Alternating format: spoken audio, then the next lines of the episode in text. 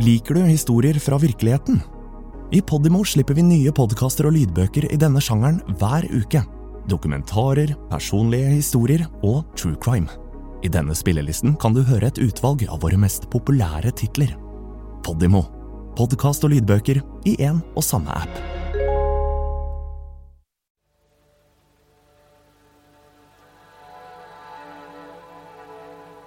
Denne historien handler om elleve år gamle Gjertrud, som en skjebnesvanger dag går ut i elva for å hente noen geiter som har rømt.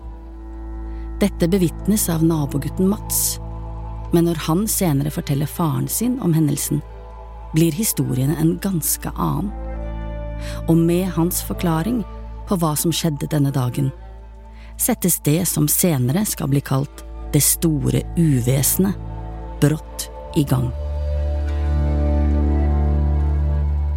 Du lytter til Heksene i nord, en dramatisering av Nordens grufulle historier om forfølgelse, tortur og henrettelse av uskyldige mennesker, dømt for hekseri og trolldom.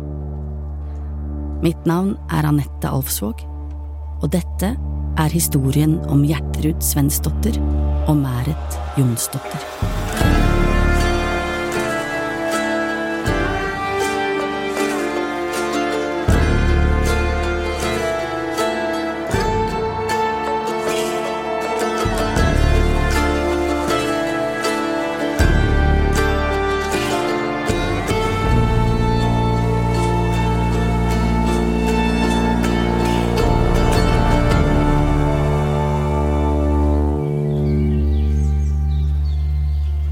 Et langstrakt skoglandskap blir Gjertrud Svensdotter født, i Lillhærdal i Sverige i 1656. Vi vet lite om Gjertruds første år, men da Gjertrud er åtte år gammel, dør moren hennes under fødselen av Gjertruds lillebror. Gjertruds far, Sven, sender henne av gårde til farfaren og grandtantene hennes i åsen i Elvdalen, åtte mil unna. Vi vet ikke nøyaktig hvorfor han sender henne bort, men kanskje er han i sorg over tapet av kona, eller kanskje han ikke klarer å ta vare på alle barna. Hos farfaren og tantene får hun bo på en gård og lever godt, sett med datidens øyne. Gjertrud finner snart sin plass, og en morsskikkelse i grandtanten Kristin. Selv om de har det bedre enn mange, må også lille Gjerterud hjelpe til med den daglige driften av gården. Dyr skal mates og vann skal bæres, og dagene er ofte lange og harde. Men når hun ikke jobber på gården, gjør hun som barn flest leker. Bygda er omgitt av eldgamle barskoger, bare delt av en og annen elv. Der inne finnes en rik verden av bekker og tjern huler og hauger, himmelhøye trær og mosekledde lysninger. Ingenting kan være så stille som skogen. Men den yrer også av liv. For når Gjerterud løper mellom trærne, vet hun at hun ikke er alene. I skogen lurer alle slags vesener.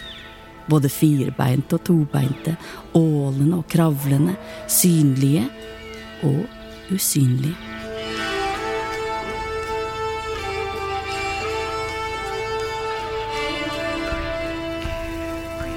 Noen ganger rasler det i grenene så Gjertrud skvetter.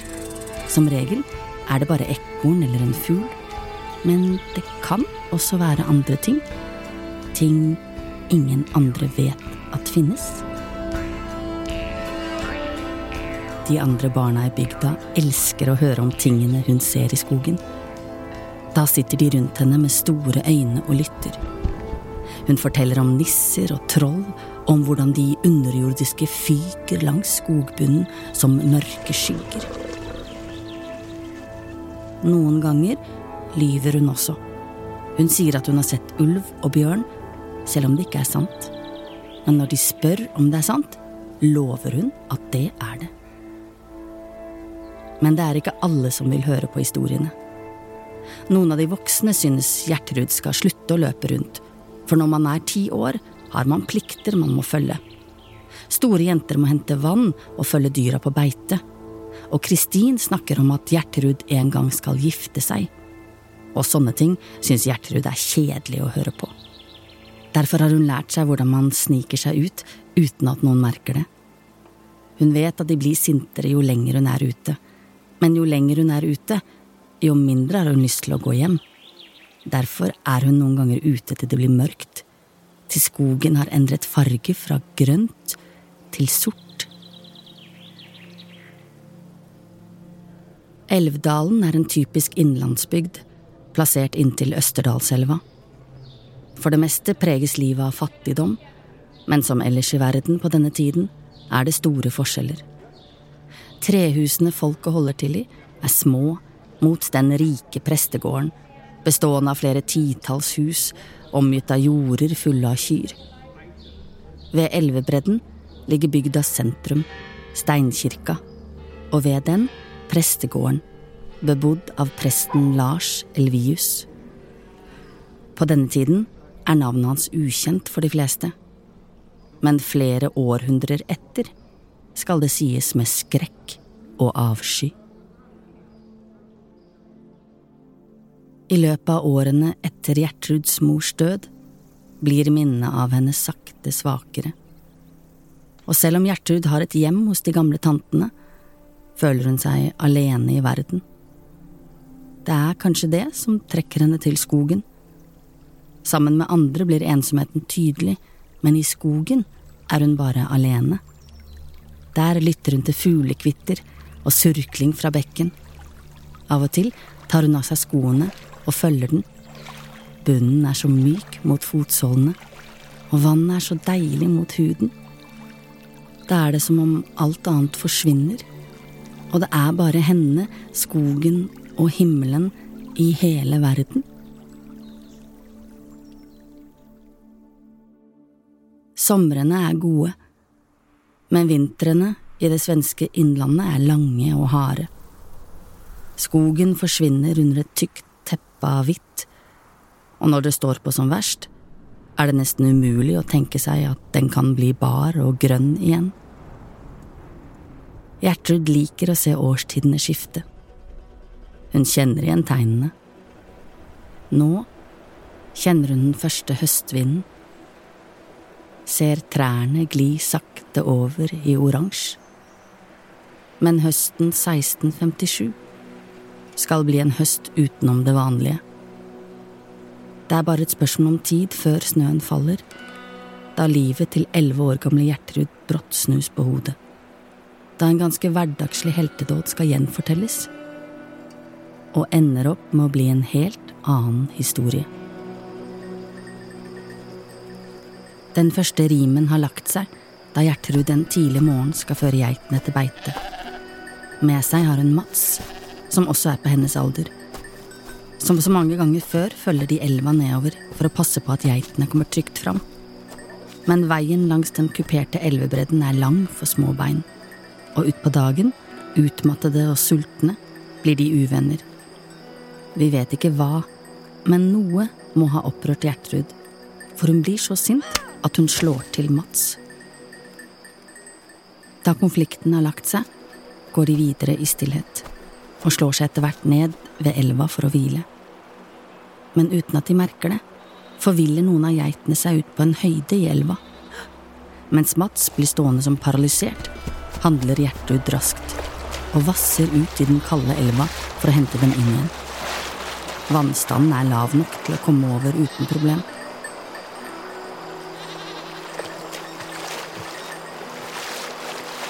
Men da hun kommer tilbake med geitene på slep, er hun klissvåt. De går den lange veien hjem i stillhet. Høstvinden er kald mot den våte huden, men heldigvis har de alle geitene i behold og kommer seg hjem før det blir mørkt. Men da de skiller lag, kjenner Mats hvordan sinnet ulmer under huden. Kanskje flau over å ha tapt kampen, og over at han ikke klarte å gjøre noe da Gjertrud forsvant nedover mot elva uten å nøle går han hjem til faren sin. Og det han gjør da, skal få konsekvenser for hundrevis av mennesker i årene som kommer. For da Mats forteller historien om geitene til faren sin, er én viktig detalj endret. Han forteller at da Gjertrud skulle ut for å hente geitene, vasset hun ikke gjennom vannet, slik det egentlig gikk til. Mats forteller med overbevisning at hun gikk oppå det. Mange av elvdalingene er ivrige kirkegjengere, og på denne tiden er Lars Elvius prest. Han kommer fra en familie med sterk kristen tro, og da både hans far og onkel har vært sentrale menn i kirken, var det naturlig at også Lars skulle gå den veien.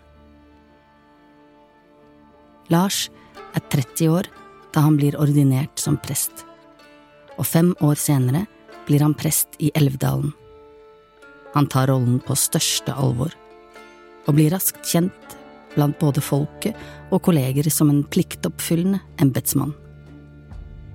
Med sitt flammende temperament og sine sylskarpe ord fyller han kirkerommet med budskap om både himmel og helvete.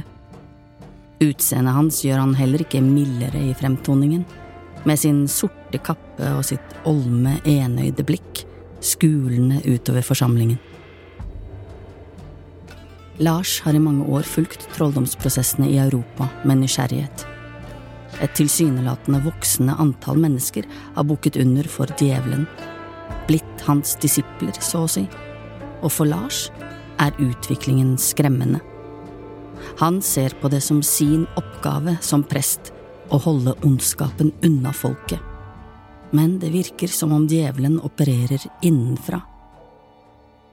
I Sverige har det også vært noen tilfeller av dømte trollfolk, men de siste tiårene siden Lars ble ordinert som prest, har det vært stille.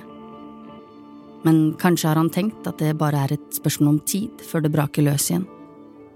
Kanskje er det dette som gjør at han går så umiddelbart til verks, da han etter 15 år som prest i Elvdalen får høre om jenta som har gått på vannet.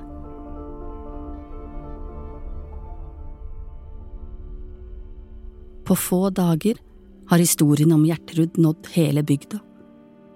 Noen møter den med skepsis og avfeier ryktene som et barnlig påfunn, men mange møter historien med frykt.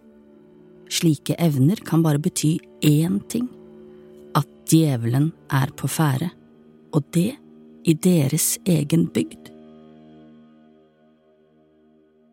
Historien når også gården i åsen, der Gjertrud bor. Først forstår de ikke alvoret Slike historier florerer stadig, for folket har en ivrig fantasi hvor det overnaturlige oppleves tett på i hverdagen. Kristin ber Gjertrud fortelle hva som skjedde, og Gjertrud forteller det nok slik det var. At hun og Mats ble uvenner, og at geitene rømte, og at hun vasset ut i vannet og hentet dem inn igjen. Men heller ikke Mats vet hvilken betydning ordene hans skal få. Kanskje var han flau og sint over blåmerket Gjertrud hadde gitt ham, og så en gyllen mulighet til å komme litt bedre ut av det da faren spurte hva som hadde skjedd. Men Mats' forsøk på uskyldig hevn kommer raskt ut av kontroll, og til alles overraskelse blir Gjertrud snart kalt inn til avhør. Det er Elvius' ordre som følges da Gjertrud føres til kirken. Både Elvius og lensmannen, Erik Hansson, er enige om at eventuell trolldom er svært alvorlig, og må håndteres med det samme og med alle midler som trengs. Så da Gjertrud føres inn kirkedørene, sitter Elvius ventende. I første omgang skal Gjertrud avhøres. Men kanskje har Elvius allerede da større planer. Å straffe Gjertrud ville være på sin plass, men det er en kjent sak at trollfolk opererer i flokk. Med dette til grunn ville det ikke være urimelig av ham å grave dypere i saken. Nei, faktisk er det nok slik at det forventes av han at han kommer til bunns i hvor dette stakkars barnet har fått evnene sine fra. Som prest er det hans oppgave å rettlede folket som er på avveie fra Gud, og da kan ingen metoder være uprøvd. Forhørsteknikkene i trolldomssaker var kjent for å være nådeløse. Presten, fogden eller mestermannen, som ofte er de som gjennomfører avhørene, vet hvordan de skal få det de vil ha. Holder det ikke med trusler, psykisk press og løfter om løslatelse eller mildere straff, tyr de uten å nøle til hardere metoder. Noen steder i landet ryktes det om både pisking og vannprøver, hvor den anklagede blir kastet på vannet for å se om de flyter. Alt i forsøket på å presse frem tilståelser og historier. En elleve år gammel jente har lite å stille opp med mot en respektert prest. Og Elvius, som ble utdannet under trolldomsprosessenes høytid i Europa, er utstyrt med kunnskap om både magiens egenskaper og hvordan å utslette den. Vi vet ikke nøyaktig hva som skjer bak de lukkede dørene til sakristiet den dagen, men historien som skal prege Sverige så lenge etter, skrives der inne. Gjertruds versjon er i starten enkel. Hun vasset gjennom elva og hentet geitene. Men Elvius, med sin brede kunnskap om djevelens veier, har en ganske annen teori. Var det ikke slik at hun tilkalte djevelen, fikk ham til å smøre føttene hennes med salve, og så gikk på vannet som ingenting? Denne versjonen er nok vanskelig for Gjertrud å forstå i staten, men motstand er trolig nytteløst. For Elvius har bestemt seg. Djevelen har kommet til bygda, og det er hans oppgave å håndtere det. Det er vanlig at trollfolk nekter i starten. Såpass har han lært. Men denne saken er mye større enn Gjertrud, og han må komme til bunns i den. Derfor forteller Elvius hva som kan skje hvis hun benekter. For det første er det vanlig at man dømmes til døden og har man ikke erkjent før den tid, venter evig pinsel i helvete. Men Elvius' plan gir Gjertrud et alternativ. Hei! Har du lyst til å høre mer som denne podkasten, men helt reklamefritt?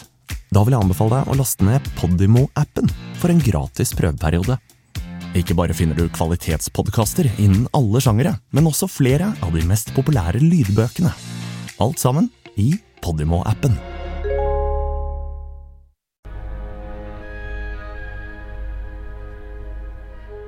Etter lange avhør har historien sakte, men sikkert blitt til historien om Blåkulla, Satans høyborg. Dit trollfolket, ifølge folketroen, reiser for å feste med djevelen. Dit har Gjertrud blitt ført, lært seg hedenske kunster og fått salve slik at hun kunne gå på vannet. Men der møtte Gjertrud også en engel, og dette mener presten er formildende. For Blåkullaferden og bruk av trolldom dømmes hun formelt til døden, men siden hun bekjenner og har hjulpet presten ved å angi andre, skal hun få leve videre. Til tross for prestens endelige konklusjon er Gjertruds oppgave i prestens plan ikke over. Hun skal være vitne i de kommende sakene, for det ender ikke med henne. Under avhørene med Gjertrud får presten ut flere navn. For Gjertrud, et barn, må jo ha lært disse evnene av noen. Noen må ha tatt henne med til djevelen, første gang. Gjertrud kvier seg nok først, men presten forsikrer om at hvis det finnes flere med tilknytning til djevelen, er det hans oppgave å redde dem fra helvete. Men for å klare det må han vite hvem de er. Totalt 18 mennesker blir angitt der inne i sakristiet i Elvdalen, hovedsakelig for å ha blitt sett i Blåkulla. Men den presten er mest interessert i, er kvinnen som skal ha introdusert Gjertrud til djevelen. 24 år gamle Mæret Jonsdotter. Da Gjertrud bodde i Lillehærdal, jobbet Mæret som tjenestejente hos naboen. Men det som kanskje gjør at det er hennes navn Gjertrud drar frem, er ryktet om at Gjertruds far, etter morens død, vurderte å gifte seg med Mæret. Dette var et svik for Gjertrud, som i samme periode ble sendt vekk for å bo i Elvdalen. Ikke lenge etter er Gjertrud på vei som hovedvitne til den første rettssaken, og ferden går den kjente veien til Lillhærdal.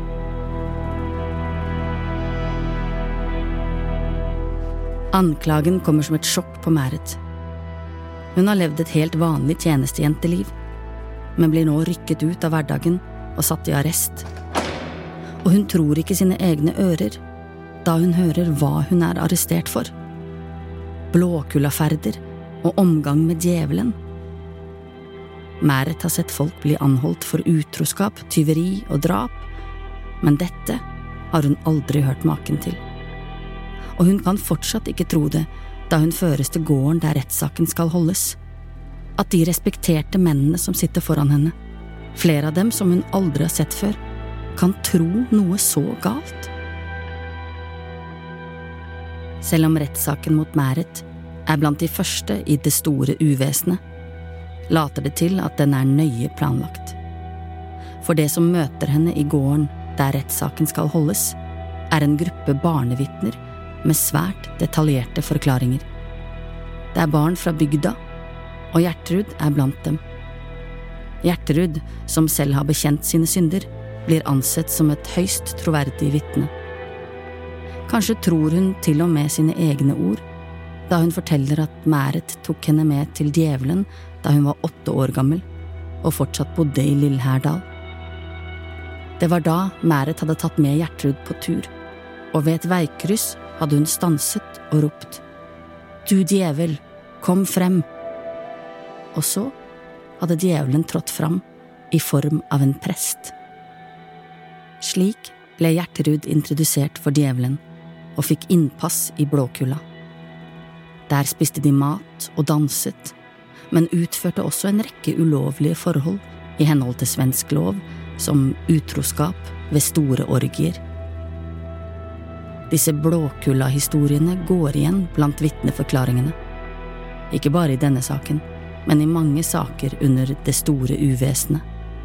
Barn etter barn begynner å snakke om ferder til Blåkulla og med påvirkning fra myndighetene under avhør blir historiene både brutale og straffbare. Faren til Gjertrud, Sven, sier han ble ridd på av Mæret og Gjertrud til Blåkulla. 15 år gamle Erik Eriksson, som presenteres av myndighetene som synsk, sier at djevelen en gang viste seg for ham som en prest, men at han avviste ham. Siden har Erik hatt syner om at Gjertrud fører barn til ham. Han sier også at den eneste måten å befri barna fra djevelen, er å piske dem, men at det er for sent for de voksne. Forklaringene er innøvd, men tilskuerne lytter som fengslet. Bare Mæret ser hva som er i ferd med å skje. Men det er ennå ikke over, og det som så skjer, gjør det hele enda verre for en allerede svekket Mæret.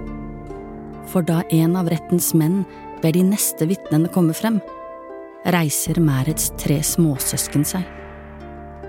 Mærets lillesøster forteller at Mæret ved flere anledninger har tatt henne med til Blåkulla, der hun har blitt skrevet inn i djevelens bok med blod. I Blåkulla har Mæret hatt sex med djevelen, og dette legger de til kommer Mæret aldri til å bekjenne. Underveis protesterer en gråtkvalt Mæret høylytt. Hvis det er sant at hun har vært i Blåkulla, hvorfor vet hun da ikke selv at hun har vært der? Men fornuftige spørsmål faller for døve ører. Myndighetene har et annet sterkt bevis de mener kan underbygge det hele. Et arr på Mærets venstre lillefinger, som ifølge dem stemmer overens med det barna forteller om navnet som skrives med blod i djevelens bok. Arret ble til på en helt annen måte, og det vet Mæret, men uten vitner til hendelsen er protesten nytteløs. Retten har bevis nok. Mæret blir dømt til døden for trolldom. Erkjenner hun, skal hun få nattverd og komme til himmelen, men nekter hun, skal hun møtes av evig pinsel i helvete. Mærets mor kommer løpende opp til datteren sin. Hun forstår at slaget er tapt, men hulkende ber hun Mæret bekjenne, slik at hun kan få frelse. Men Mæret benekter det hele. Hun er ingen trollkvinne, og vil heller dø i sannhet enn i løgn. Det Merit ikke vet, er at den som nekter, ikke kan dømmes til døden, ifølge loven. Det er til stor frustrasjon for de lokale myndighetene. De mener at bevisene er så sterke at det ikke råder noen tvil. Men alle dommer må godkjennes av Svea lagmannsrett i Stockholm, og en dødsdom vil ikke gå igjennom dersom Mæret ikke tilstår. Det er myndighetenes overbevisning at selv om hun får leve videre, vil hun havne i helvete den dagen hun dør. Å presse ut en tilståelse blir derfor sett på som en god gjerning, og myndighetene kan ty til brutale midler for å få en. Og de fleste er så troende at de tilstår når det trues med helvete, og om ikke da, så under press og tortur i fengsel. Men ikke Mæret. Hun nekter for alt. Derfor legger de en utspekulert plan for hvordan de skal få henne til å bekjenne.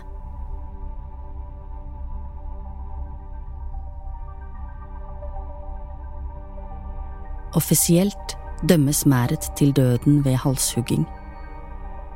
Fortsatt i sjokk over at det skulle skje, og sinne over manipuleringen av småsøsknene, sitter hun fengslet fram til dagen men heller ikke Gjertrud og de andre barnevitnene får gå helt fri.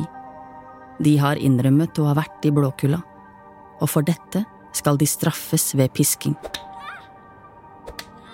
Gjertrud er tolv år da riset graver seg inn i huden. Deretter får hun gå fri, men merket for alltid. Mæret, som til tross for sin unge alder blir regnet som voksen, må møte en helt annen skjebne. Mange har møtt opp ved rettestedet da Mæret blir ført frem gjennom folkemengden, bundet på hendene. Fremme ved stubben står presten og bøddelen klare. En spent summing fyller lufta da Mæret får bind for øynene og beskjed om å legge hodet på stubben. Det er her det skal avgjøres for presten tror at Mæret i sin siste stund ikke kan gjøre annet enn å bekjenne. Derfor bøyer han seg ned og ber henne en siste gang erkjenne synden. Men til tross for trusselen om evig liv i helvete, og med troen om at hun skal dø, benekter hun. De neste sekundene er lange med kinnet mot treet. Men øyeblikket hun har ventet på, Lyden av bøddelen som svinger øksa, kommer ikke. I stedet dras hun opp. Uten en erkjennelse har de rett og slett ikke lov til å gjennomføre. Presten får ikke oppfylt planen sin, og de kan ikke gjøre annet enn å føre henne bort fra rettestedet, tilbake til fengselet. Bak henne blir menneskemengden stående igjen, uforstående til hva som akkurat har skjedd.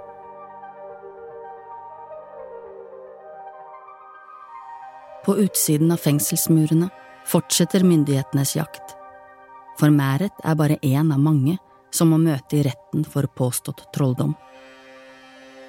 Blåkulla-historiene og frykten sprer seg raskt til nabobyene. I Mora henrettes 15 mennesker i en fem timer lang massehenrettelse i 1669. Selv om myndighetene ikke har for vane å dømme barn til døden, blir de straffet og i Mora blir også 148 barn pisket for å ha vært i Blåkulla. Selv om dette blir sett på som en formildende straff, dør flere av skadene. Men selv om henrettelsene og avstraffelsen fra myndighetenes side er et forsøk på å dempe panikken, virker det mot sin hensikt. Både i Elvdalen og Lillhærdal fortsetter panikken å spre seg. Flere og flere barn forteller om blåkullaferder og seks kvinner og én mann anklages for trolldom i Elvdalen, der Gjertrud bor. De yngste er 17 år, og i avhør blir det brukt tortur, som får flere til å bekjenne. En av dem felles av sine egne barn, som er for små til å vite hva de gjør, men gamle nok til å være troverdige vitner. Og den 19. mai 1669 blir alle syv henrettet. Gjertrud er til stede som tilskuer. Hun er da 13 år og enda for ung til å reflektere over hennes rolle i det hele, men merket for livet. Også i Lillhærdal fortsetter prosessene, og for Mæret, som fortsatt sitter fengslet, er det ikke over. Utenfor blir navnet hennes nevnt av barnevitne etter barnevitne. Kanskje som følge av at hun er blitt kjent, kanskje etter påvirkning fra myndighetene. Og etter tre år er bevisene mot henne så overveldende at Svea lagmannsrett anser det som uforsvarlig å la henne leve. Dessuten har folk lært seg at det lønner seg å nekte, og derfor anses ikke en benektelse lenger som troverdig. Mæret dømmes derfor til døden, til tross for at hun nekter etter lang tid bak lås og slå, og trolig under harde pressmidler.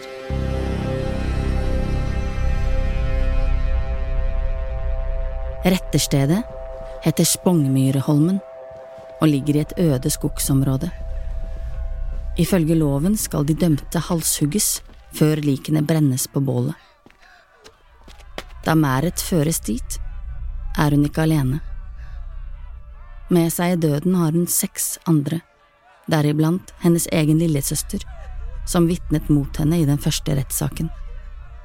Søsteren og fire andre har erkjent og mottar nattverd, mens Mæret og en annen nekter til det siste. Men denne gangen hjelper det ikke. Øyeblikket som aldri kom sist gang, øksa som aldri falt, faller nå fort og avslutter Mærets liv.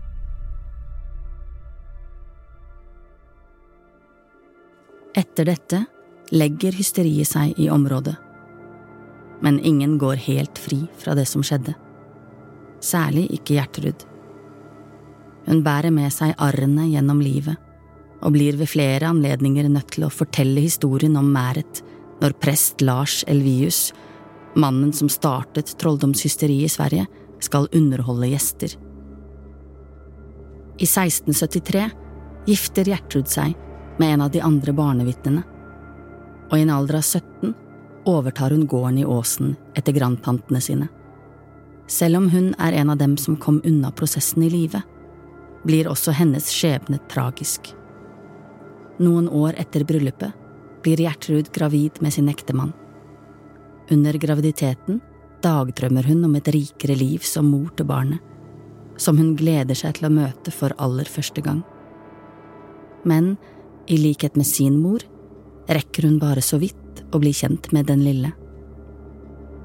Om det er påkjenningen av fødselen eller pesten som har herjet i området som tar livet av Gjertrud, vet vi ikke. Men kun én uke etter fødselen av sin sønn dør Gjertrud. Den 24. april 1675. Hun rekker å bli 19 år gammel.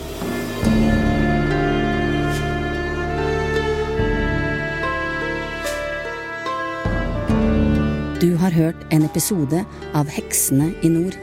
En podkastserie produsert av Podimo. Research, manus og idé av Pauline Østgaard. Manusbearbeidelse av Sigve Kvitvik, Maria Nygren, Kjersti Kvam, Anette Alfsvåg og Fredrik Baden.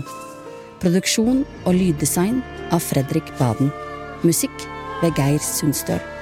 Mitt navn er Anette Alfsvåg.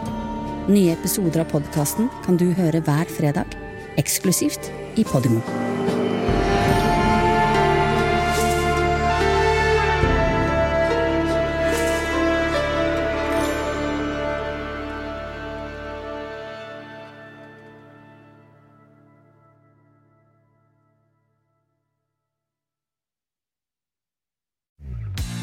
Likte du denne episoden? Så del den, da vel! Fortell en venn hva du hører på, og gi følelsen av god lytting i gave til noen du bryr deg om.